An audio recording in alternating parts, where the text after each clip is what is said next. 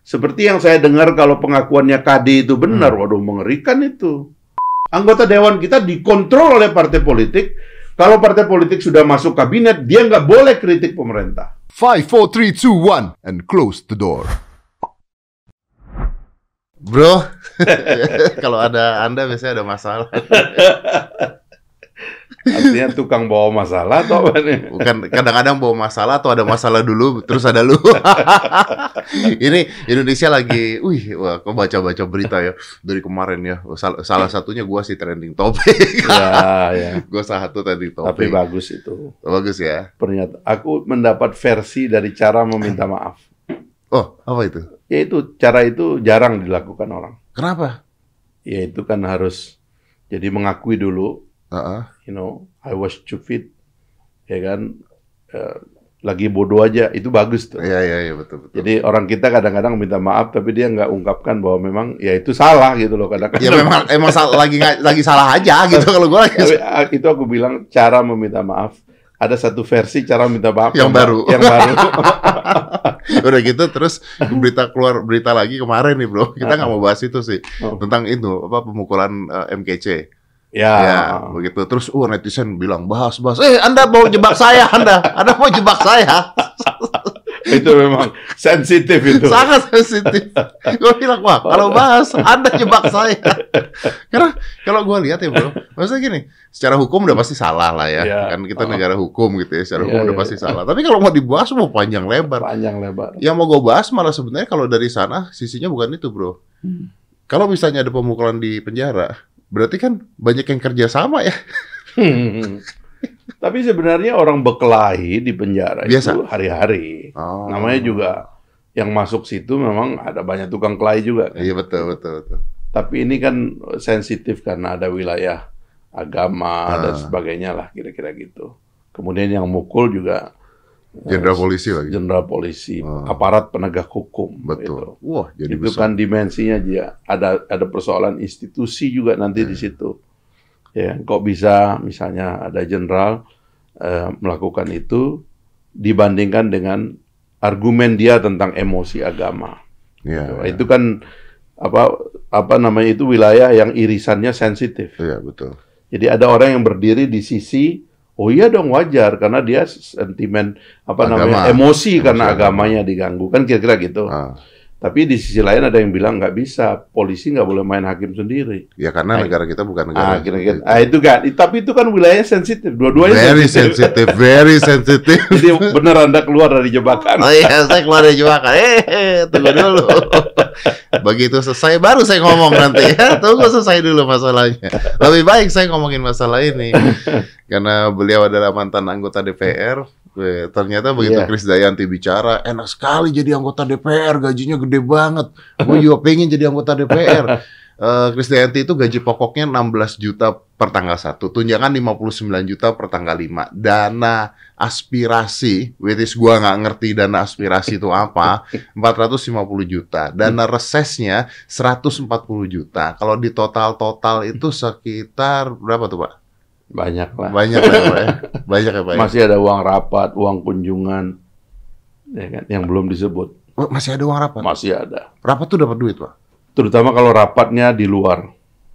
Oh, rapat di luar dapat Iya. duit? Oh, ini dong, maksudnya kayak uang saku gitu? Ya uang saku, uang SPJ istilahnya itu perjalanan. Ah. Kemudian kalau keluar negeri dapat dolar. Luar negeri.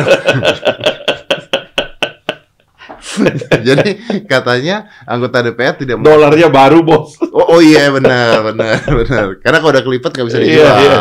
Benar. Jadi hebohnya karena katanya wakil masyarakat ini tidak mewakilkan eh, partainya Hmm, dan hmm. tidak sebanding dengan rakyat yang diwakilkan. Gimana Iya. bro? Anda kan anggota dewan bro. Ya sebenarnya banyak isu lain yang eh, apa namanya menyertainya begitu.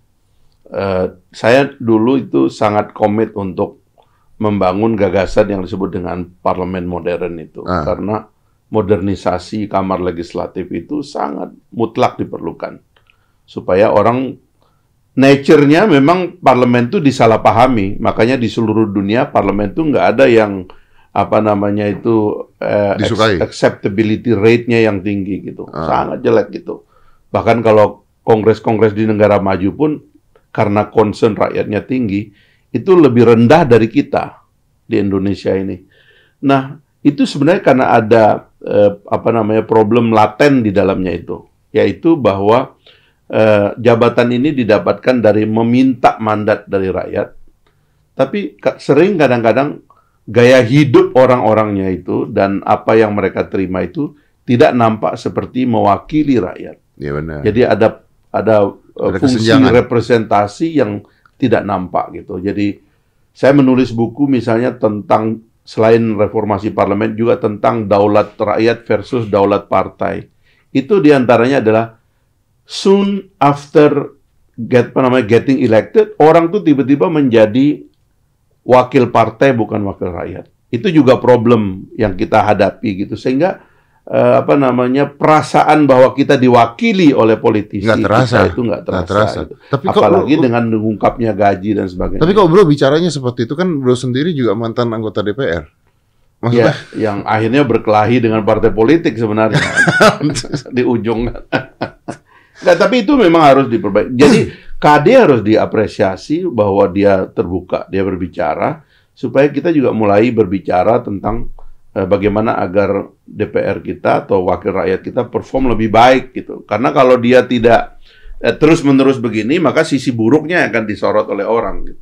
Nah Hmm. itu yang saya eh, banyak banyak isu lah begitu. Tapi terkait gaji sebenarnya kalau kita agak sedikit fokus mau ke Oke oke, ini kita bicara Ya, gaji ya. Gaji ya itu ya. Bener nggak nih gaji DPR segede gitu nih? Be- Begini, anggota DPR itu dan semua sekali lagi pejabat eh, terpilih itu memang harus digaji lebih karena ada eh, proses representasi dan ada konstituensi. Problemnya kalau Anda sebagai orang pegawai birokrasi, Anda nggak punya rakyat pada dasarnya gitu. Hmm. Karena Anda nggak pernah minta rakyat milih Anda. Anda diangkat berdasarkan karir Anda. Mm-mm. Ada merit sistemnya. Betul begitu. betul. Tapi kalau Anda politisi, mulai dari DPRD, Rakyat memilih lah. rakyat ya. memilih, Ah. ya bupati, bahkan kepala desa juga Ah. itu rakyat memilih. Ah. Maka kita harus compensate mereka lebih karena nanti rakyatnya datang lagi bawa proposal, bawa Maksudnya maksudnya? ya bikin acara ya kan. Rakyat minta duit. Ya minta sumbangan, diperbaiki selokannya, atap masjidnya bocor, apa puskesmasnya apa nama jelek ya kan, kemudian kantor desanya mau diperbaiki. Ah. Ya kan eh, pingin bikin jamban atau apalah banyak sekali. Tapi tapi kan itu kan nggak ke anggota DPR. Nah, itu tadi eh, anggota DPR itu kan harus dibikin relevan. Karena kalau dia nggak menjawab itu, kadang-kadang dia jawab, nanti saya bilang sama pemerintah, ah kamu janji doang, nggak ada yang real. Nah, muncullah teori pembiayaan earmark budgeting namanya kalau di Amerika itu terkenal dengan nama pork barrel itu Pork barrel. eh, pork barrel di Amerika, di Filipina, tapi ini sering jadi sk- skandal. Karena kalau kita memberikan hak belanja kepada anggota dewan yang sebenarnya notabene dia nggak boleh belanja, Nah, karena yang belanja adalah eksekutif, sering terjadi penyimpangan di situ. betul. Makanya kita mesti aja. menjembatani gitu loh. Jadi yang tadi kita mau bahas itu, ada yang kembali kepada dirinya sendiri, Heeh. ada yang kembali kepada masyarakat. Artinya, artinya, eh, bro tidak tidak menutup mata bahwa ada anggota DPR yang mencari keuntungan sendiri, ada yang memang benar-benar memberikan ke masyarakat, gitu. Ma- makanya saya mengusulkan dulu uangnya nggak boleh dipegang oleh anggota dewan, nggak boleh itu. Uangnya itu harus dipegang tetap oleh kamar eksekutif.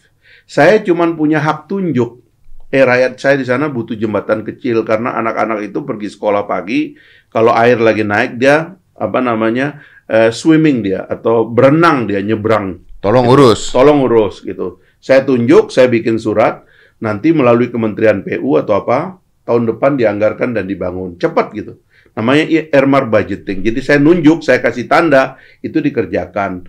Sehingga kalau saya pulang ke konstituensi saya, relevan orang itu. Oh, dia kalau dimintain tolong dan memang real, dia tolong gitu. Nah, misalnya anggota dewan, saya usulkan waktu itu, dikasih budget sekian, lalu dia punya hak tunjuk untuk konstituensinya harusnya itu di-approve. Nah, yang saya sa- sayangkan ini itu tidak di-approve tapi ternyata uang belanja pribadi anggota dewannya ditambah. Seperti yang saya dengar kalau pengakuannya KD itu benar, waduh mengerikan itu. Memberikan Emang dulu dulu brother nggak segitu? setahu saya nggak ada. Yang ada dulu itu cuman eh, untuk eh, apa reses. Reses itu gini. Kita ini wakil rakyat, tapi kalau kita ngundang rakyat, kalau kita pakai uang kita pribadi, tentu itu membahayakan basis salary-nya kan. Ah, ah. Maka kita perlu tambahan biaya untuk menyiapkan pertemuan, ya kan. Apalagi kalau sekarang kan mungkin orang nge-zoom ya, tapi kalau di kampung kan nggak bisa menyiapkan pertemuan dan juga menyiapkan ongkos. Sebab kadang-kadang ini kalau saya sih merasa orang datang tuh pengen denger saya waktu itu ya. Karena saya bicara sesuatu begitu. Tapi kan ada anggota dewan yang juga rakyat nggak mau denger ngapain. Maksud gua begitu kan tidak semua orang Nah, datang dia. mau denger. Itu dia kan. Cuman karena ada amplop itu akhirnya datang orang. Karena itu harus difoto. Orang datang itu. Orang-orang datang difoto bahwa saya sudah bikin acara di titik ini, durasinya sekian lama, anggarannya sekian. Lalu itu kita lampirkan, kita serahkan ke eh, apa namanya sekretariat dewan, gitu loh. Untuk nanti diverifikasi oleh BPK. Berarti kalau kayak begitu sistemnya sendiri bisa kacau dong. Kalau yang itu nggak ada masalah, tapi yang tadi itu yang 450 juta yang dia bilang aspirasi itu, Ah. nah itu menurut saya berbahaya karena itu membiarkan hak belanja terlalu besar kepada anggota Dipegang oleh individu. dipegang individu. Yang pertanggungjawabannya berpotensi sekali akan disimpangkan karena pada dasarnya anggota dewan nggak boleh belanja, dia boleh nunjuk, dia boleh menganggarkan, dia tidak boleh mengeksekusi, gitu loh. Oke. Nah, Sebenarnya dewan itu sudah mencari dia banyak sekali sumber-sumber pemasukan pribadinya di situ. Sudah banyak lah. Misalnya kalau di dewan kita kan dia juga anggota MPR. Ini yang belum nggak ada di di KD nih. Anggota MPR punya hak sosialisasi. Hak sosialisasi juga dibayar. Gitu loh. Jadi sebenarnya kalau yang untuk pribadi ini terlalu besar sudah. Tapi dengan menambah dana aspirasi itu menurut saya menjadi problematik. Terlalu besar nanti jadinya. Kan itu kemudian disimpangkan. Iya, iya. Berpotensi disimpangkan. Berpotensi disimpangkan. Iya. Which is actually is a big money loh. Gede sekali loh. Money. Wah itu kalau ada orang bisa dapat yang seperti yang tercatat aja 5 miliar per tahun, ya artinya kan per bulan itu lebih kurang 400 juta, ya udah apa namanya eh, best paid professional. Is this money harus dihabiskan nggak sih Pak? Saya kurang ngerti kan ini misalnya ada ada dana apa, dana apa, dana apa, ada, ada juga dana untuk bantu masyarakat. Intinya begitu kan? Sebenarnya kalau anggaran tuh teorinya semakin habis semakin, bagus. Iya, karena habis ditambah gitu. Iya, karena bukan, Bukan. karena eh, itu sesuai anggaran. Karena teori dalam public budgeting itu, ngapain kamu menganggarkan sekian kalau nggak habis sekian berarti capaiannya nggak tercapai sekian. Betul. Kan begitu teorinya gitu. Tapi Tapi- ending-endingnya kan bisa tapi terjadi kalau ini- overbuying and everything dong. Ini salah karena itulah menurut saya meletakkan dana yang harusnya di kantong eksekutif taruh di kantong legislatif itu salahnya. Ini yang harus diklarifikasi oleh anggota dewan. Apakah betul ini adalah anggaran yang harusnya ada di kantong eksekutif masuk ke kantong mereka? Itu keliru itu. Hmm, Itu apa namanya eh, apa budgeting yang keliru. Oke. Harusnya yang kita belanjakan hanya yang merupakan keperluan kita. Kan kalau di luar negeri itu saya melihat ini kan sebenarnya nanti ujung dari masalah korupsi ini. Ini hulunya nih. Kalau kita mengatur pembiayaan politik yang benar, nanti ujungnya itu negara bebas korupsi. Tapi kalau kita gagal ngatur pembiayaan politik, nanti ujungnya negara korupsi semua. Ini yang kita bingung. Kayak ada bupati itu yang begitu terima gaji Iya, pertama iya. katanya. Cuma segini gaji gua katanya. katanya. Harus Berarti ini korupsi. harus korupsi. Ternyata benar. Ternyata dia lakukan. Jujur dia kan. Dia jujur dia. Yang lain nggak jujur. Gua harus korupsi nih katanya. dia jujur. Iya, Memang benar. benar. Itu yang saya bilang ini, ke, apa namanya pengaturan keuangan politik di kita ini nggak terlalu diperhatikan.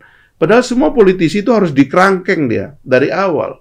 Eh, kamu belanja pemilu sekian aja. Ini ada orang jadi bupati, dia kadang-kadang mengeluarkan ratusan miliar untuk jadi bupati. Tapi kan kalau lu, lu ngomong begini bro, artinya eh, butuh orang-orang yang sudah kaya raya, memang mau mengabdi untuk masyarakat, baru bisa menjabat sebuah kedudukan. Karena kalau orangnya tidak kaya raya, tadi kan belum bilang, dia mau jadi bupati aja keluar ratusan Ya, miliar. tapi uangnya kan belum tentu dari dia. Iya sih. Bagaimana kalau uang itu dari sponsor? Iya, iya. Ini ada orang miskin. Kalau dia dari sponsor kan artinya dia harus balas budi nanti Makanya. Nah, Ini ada orang citranya bagus, miskin, kelihatannya kan. Tapi orang bilang, wah kalau ini terpilih, uang gua gua taruh di situ. Ini kan investment, ini kan kayak perjudian kan. Iya, betul. Orang tuh taruh duit di situ, dia terpilih. Habis itu dia nagih. Pak proyek ini buat saya, proyek ini buat saya. Nah itu harus kita bersihkan dari awal. Uang pribadi masuk ke dalam politik harus dicegah. Itu di hulu daripada persoalannya tuh. Baru nanti juga dihitung cara belanjanya pejabat publik diatur. Kalau uang pribadi yang masuk ke politik harus dicegah, artinya kan orang-orang ini nggak punya kesempatan untuk mempromosikan dirinya sendiri. Jangan pakai uang pribadi. So kalau dia pakai uang pribadi nanti dia menganggap itu perjuangan pribadi dia. Masuk politik itu perjuangan publik.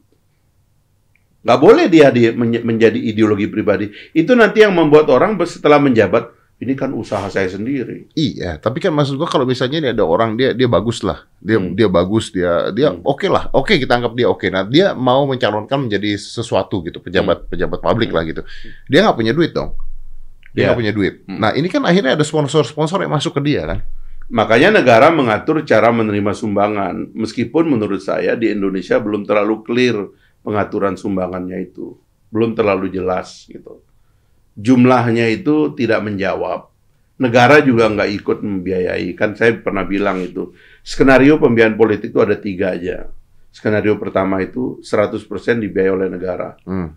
Jadi orang tuh datang cuma bawa reputasinya, bawa pikirannya, ya bawa niatnya Terus yang benar. duit dari negaranya Nanti sama. negara gitu semua. ngatur kampanyenya ini ini ini ini dibayar oleh negara. Kamu tampil TV nggak perlu bayar.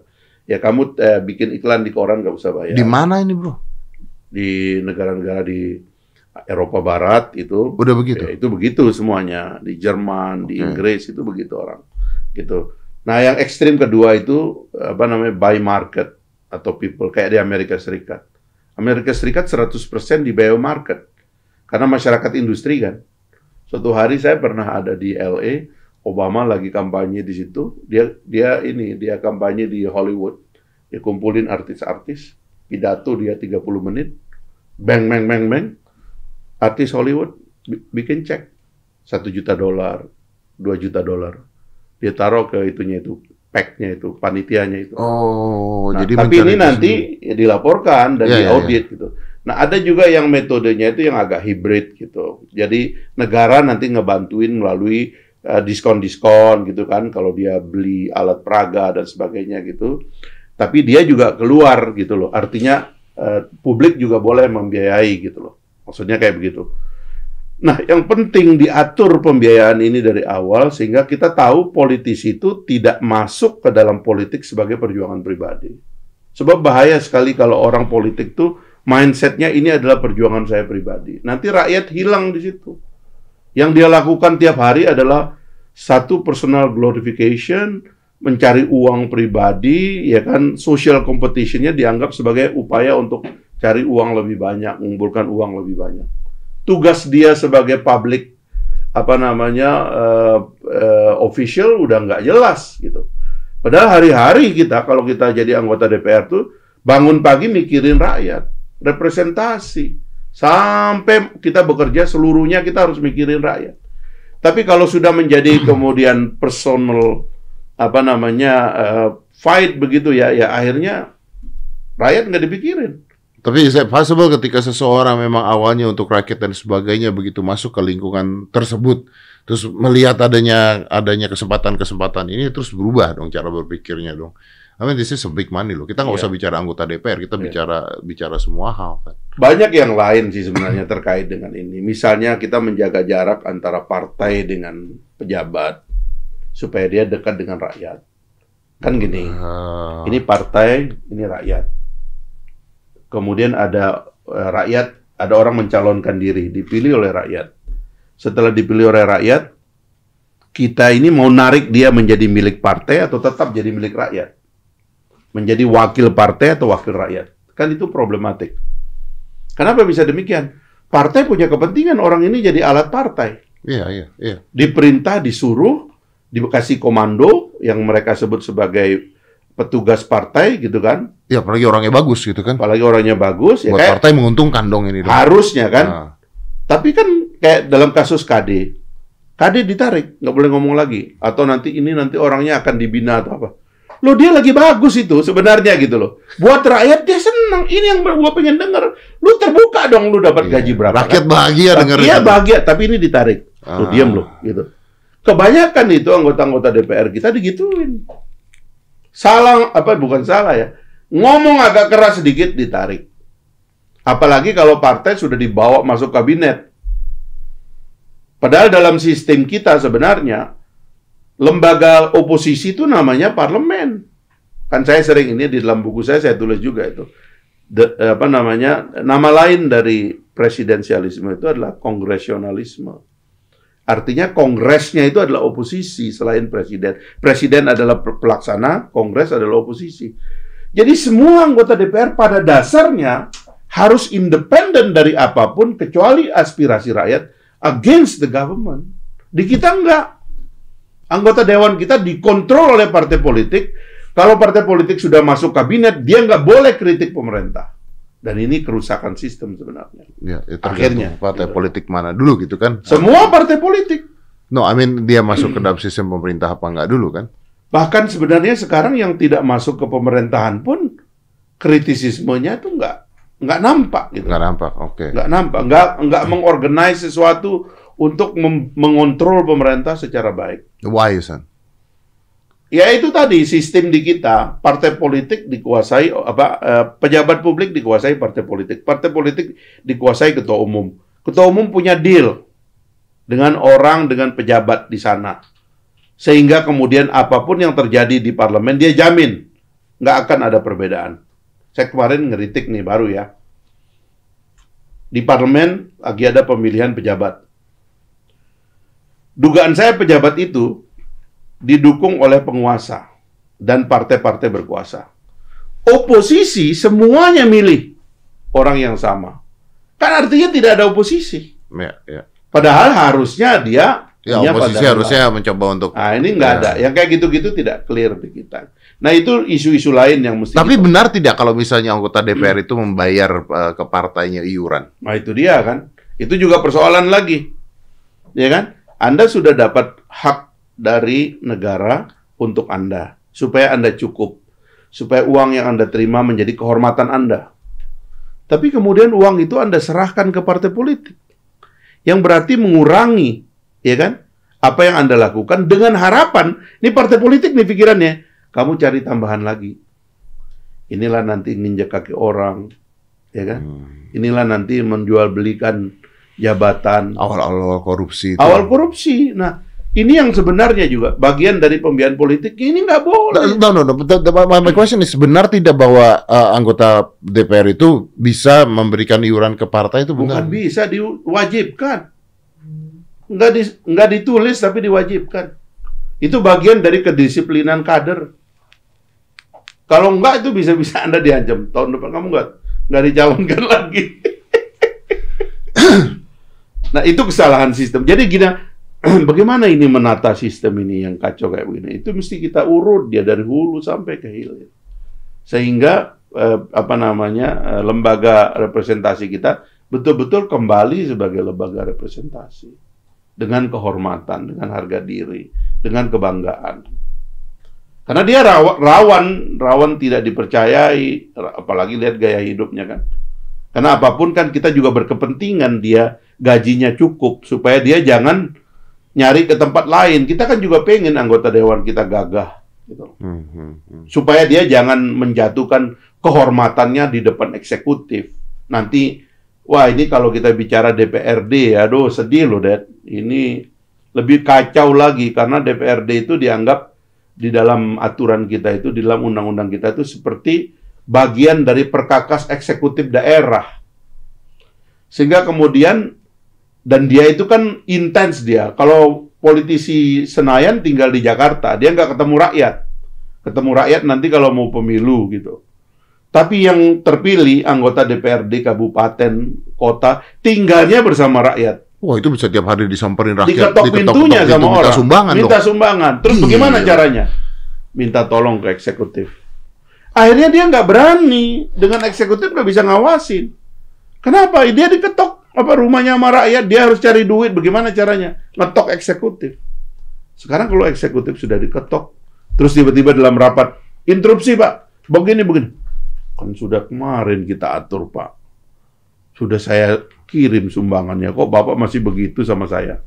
Selesai. Fungsi pengawasan bisa hilang. Nah ini, ini jadi hikmah dari KD ini harus kita bongkar lebih dalam gitu loh. Jangan dibiarin lewat begitu aja. Tapi mas, apakah masyarakat punya hak untuk nggak bisa ngomong juga sih? Maksud nggak gue mau nanya apakah masyarakat punya hak untuk meminta sumbangan terhadap anggota DPRD. Cuman gue bisa menjawab sendiri, ya karena masyarakat merasa bahwa dia yang memilih gitu ya. Ketika dia memilih, ya Anda harus bantuin kita gitu kan larinya. kan. Ada se- sebenarnya itu anggaran pembinaan pembiayaan seperti itu harus ada. Harus ada gitu. Kan yang dan itu menurut saya masih wajar. Ya balik lagi tapi tidak disimpan secara pribadi gitu Iya, kan. Ya. yang gede gitu ya, minta bangun jembatan. Dulu tuh kan dalam sejarah pork barrel di Amerika itu awalnya tuh anggarannya kecil-kecil. Ratusan ribu dolar lah itu maksimumnya. Tiba-tiba ada pork barrel yang ratusan juta dolar. Karena ada seorang anggota dewan yang pengen bikin jembatan ya kan supaya dia permanen dulu. Ada namanya dulu anggota dewan namanya Robert Byrd dari Virginia. Dia ingin bangun jembatan supaya jembatan itu permanen. Dan itu menyebabkan dia terpilih. Makanya dia sampai meninggal jadi anggota parlemen.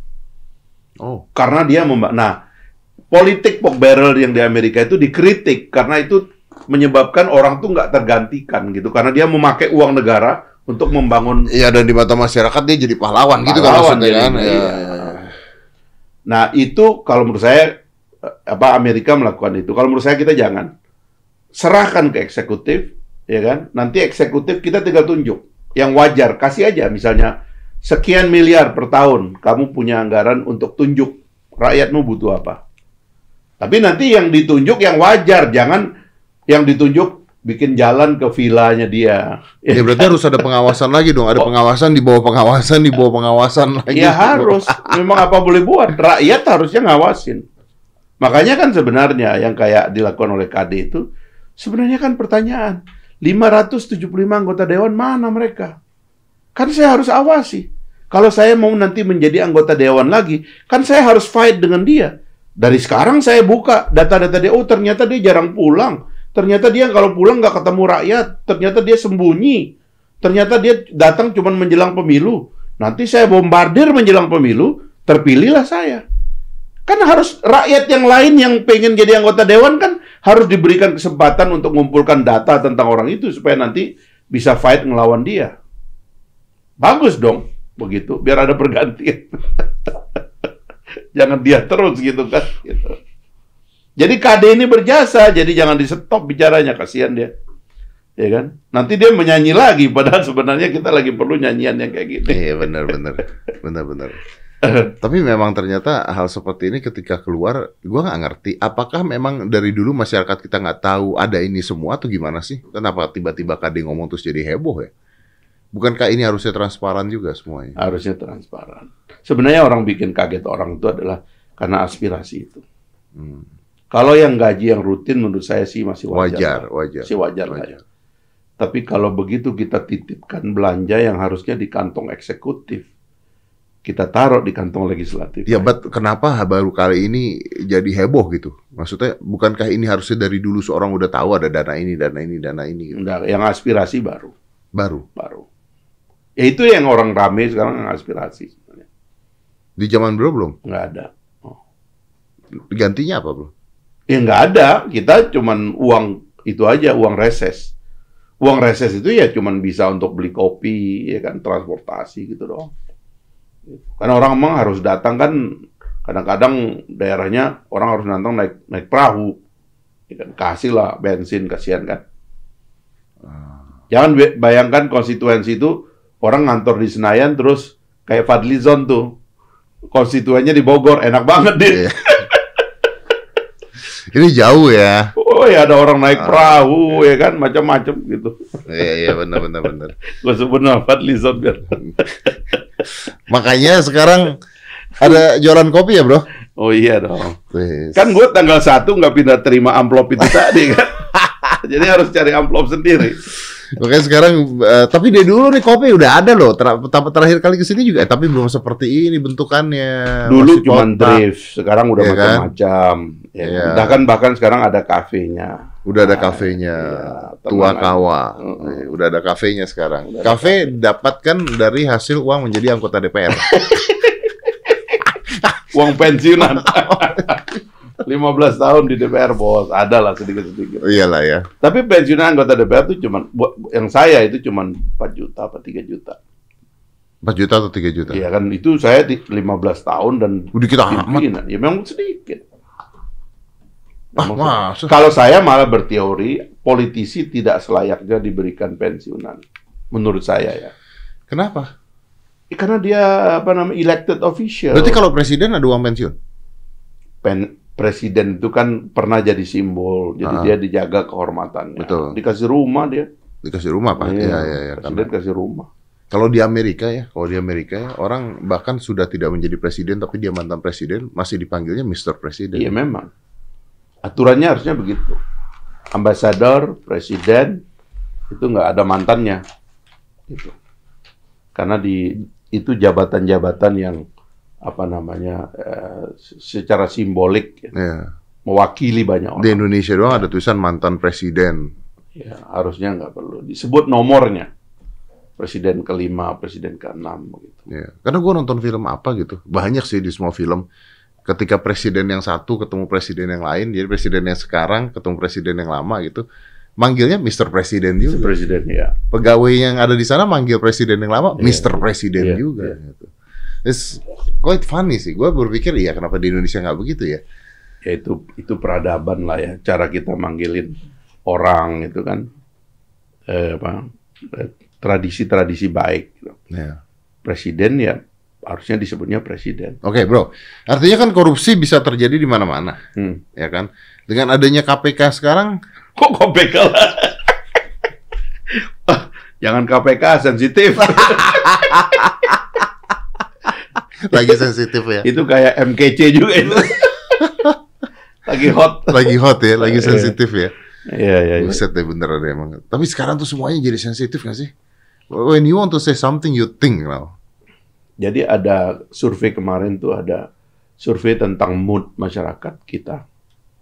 Katanya moodnya tuh lagi sensitif dan marah. Kenapa? Mungkin orang under stress ya kan di kerangkeng agak lama, nggak boleh mencari apa mata pencahariannya yang bebas gitu kan. Lama-lama kan orang juga terbelenggu kan dan kemudian under pressure gitu, stres. Ya bisa moodnya jadi labil gitu, bisa Iya marah. sih. Bener sih dengan adanya PPKM ini what is actually Iya. ya menurunkan jumlah COVID gitu ya. Tapi ada satu Iya. hal lagi. Saya bukan hanya menurunkan jumlah COVID. Eh, pekerjaan mata pencarian juga pasti kena. Iya, Tapi mental itu loh. Mental. Mentalnya loh. Orang kena loh. Kena mental orang itu Iya. begitu tuh. Dan orang kita itu kan kalau kena mentalnya nyimpen, nanti meledak dia. Iya. Kan ada itu kan Betul. sosiologi amok namanya. Jadi kan ada pembacaan tentang perubahan-perubahan besar di Indonesia itu didrive oleh apa sih? Yang tadinya kan oleh amok. Apa itu? Amok itu orang ngamuk. Tiba-tiba spoil begitu orang tuh marah, bakar-bakar, terjadilah perubahan. Artinya bahwa orang Indonesia itu suka mendem. Mendem dan suka meledak. Berarti bukannya sabar ya? sabar tuh, sabarnya mendem. Dia sabar, sabar, sabar, padahal Iya. mendem. Ya ada yang terukur, ada yang tidak terukur kan. Kalau sabar itu menurut saya ya, kalau reverse-nya kepada terminologi agama, itu terukur. Tapi kan kalau nggak terukur, ya kan, ini diamnya itu bukan karena sabar, karena nyimpen, Nunggu. nunggu. Begitu ada kesempatan meletus, nah itu Iya benar. yang perlu dimitigasi dari masyarakat kita. Sebab itu itu ada dalam tubuh masyarakat kita itu. Iya yang begitu-begitu kita mesti sadari. Iya. Makanya jangan saya suka kritik pemerintah jangan jangan mancing-mancing ya kan. Jangan suka bikin perkara gitu-gitulah. Atau cepat switch kalau ada masalah. Dia cepat menyelesaikan masalahnya juga ya. Menyelesaikan, jangan di, dipendam-pendam. Gitu, Bos. Iya, emang capek sih. Jujur aja. Karena kadang-kadang kita mau ngomong sesuatu, terus dari masyarakat ada begini, dari sini ada begini gitu. Terus kadang-kadang masyarakat tuh juga banyak sekali ya walaupun I don't really care about it, tapi maksudnya ada juga masyarakat-masyarakat tuh yang melupakan apa yang udah terjadi. Pokoknya ketika lu ada masalah atau lu ditungguin sampai lu kena masalah. Ya. Ditungguin lo orang tuh nungguin masalah lo. Ya, mak- makanya kalau menurut saya sih. Tapi ya, saya percaya juga bahwa publik itu punya wisdom. Gitu loh. Itu juga yang kita nikmati dalam dunia yang bebas seperti negara kita ini. Harusnya ya Harusnya. bebas gitu ya. Karena kita percaya bahwa pada dasarnya publik punya wisdom. Semakin kita buka wisdomnya orang itu akan apa namanya tersiar gitu, akan terasa gitu loh bahwa ini fair loh gitu. Hmm. Jadi ya ini saya balik ke cerita awal kita tadi. Anda merasa itu salah dan Anda mengatakan saya mohon maaf kemarin itu ada kesalahan. Itu wisdomnya orang bilang fair gitu. Kita terima gitu. Nah inilah khazanah eh, manusia kita, manusia Indonesia yang sebenarnya membuat kita berani menyelenggarakan eh, pemerintahan yang eh, apa namanya yang berbasis kepada demokrasi dan kebebasan. Sebab di negara lain ada banyak negara yang meng- tidak percaya kepada wisdom publik. Itu sebabnya kemudian negara mengontrol Kuat. publik secara kuat karena dia tidak percaya bahwa publik itu punya wisdom gitu loh. Lalu dikontrol oleh negara gitu. Itu tinggal tunggu waktu aja meledak kok itu nanti. Nggak ada yang bisa bertahan dengan pengekangan dan otoritarianisme. Itu- Contohnya negara apa? semua negara itu kalau dibuka begini meledak itu Arab Spring gitu apa itu? Oh iya. Itu kan ada satu pedagang sayur di Tunisia, ya kan, diperes sama petugas, suka datang meres-meres gitu, ya kan? Sudah diperes, apa namanya? Dia frustrasi lah gitu ya, masih digusur juga, terus dia bakar diri. Namanya Abdul Aziz Bouaziza. Dia bakar diri, kebaca sama publik. Ini adalah kemarahan begitu ya bu. terjadilah Arab Spring itu. Semua rezim otoriter tumbang. Kecuali yang basarnya kerajaan. Mesir jatuh, Libya jatuh, Gaddafi. Gaddafi dibakar oleh rakyat di, di jalan raya loh. Apa, di, Wah, disiksa. Wah, itu sadis itu. Hmm. Eh, sampai sekarang Syria, ya kan, Yaman, itu meledak begitu aja. Gitu. Nah, eh, jadi dari awal kalau kita percaya kebebasan publik itu lebih benar gitu, sehingga publik itu diberikan kanal untuk menyampaikan perasaannya, aspirasi. Jangan orang dipendam, ya kan? Jangan orang eh, merasa bahwa di sini saya tidak bebas berbicara, di sini saya tidak bisa mengungkapkan pikiran Hmm. saya. Sebab itu nanti meledak gitu dan kita bangsa kita ini punya apa Potensi. namanya, potensi itu. Untuk meledak. Iya, jangan ditekan. Korea Korea Utara gimana? Nunggu waktu kalau menurut saya. Masa sih? Nunggu waktu. Serius? Nunggu waktu. Korea Utara loh. Iya, nunggu waktu. Kayaknya diem rakyatnya. Kuba sudah terbuka. Ya, sisanya tinggal Korea Utara. Ada China. China juga mengalami persoalan Iya. dengan kontrol politik yang ketat. Negara-negara otoriter itu mengirim pengkhianat paling banyak ke luar negeri. Yang dia sebut sebagai pengkhianat. Karena orang nggak tahan. Dan itulah yang kemudian ada membelot-membelot. Petugas intelijen membelot. Ini membelot itu. Adalah dari negara yang tidak bebas. Tapi kalau negara Anda bebas, Anda mau lari ke mana? Orang di sini enak kok. Iya betul. Kita susah, tapi kita bebas, bos. Iya benar.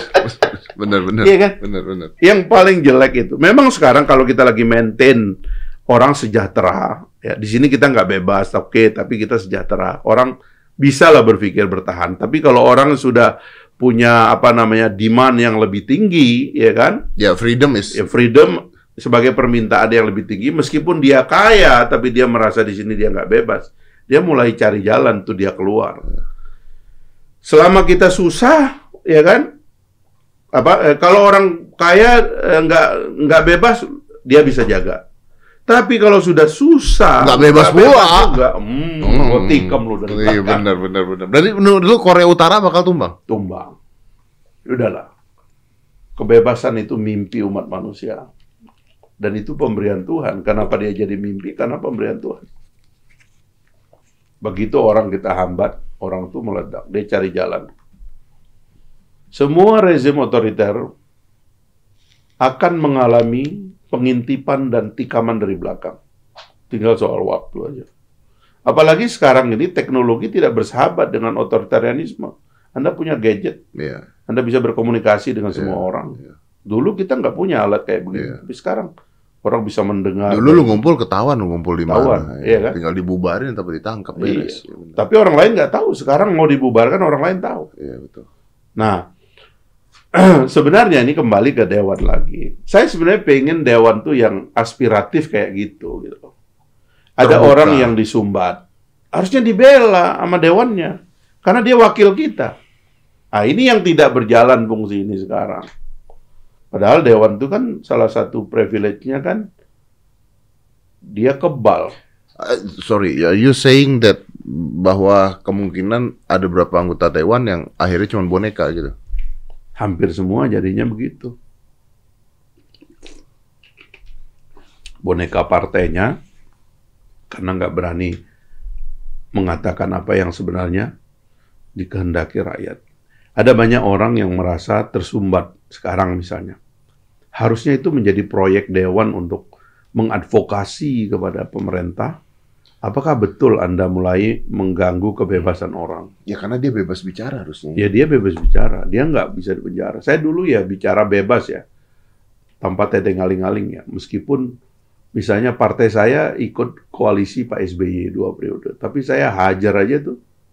Dan yang menarik Pak SBY juga kirim pesan, teruskan Adinda, teruskan katanya gitu kepada saya gitu.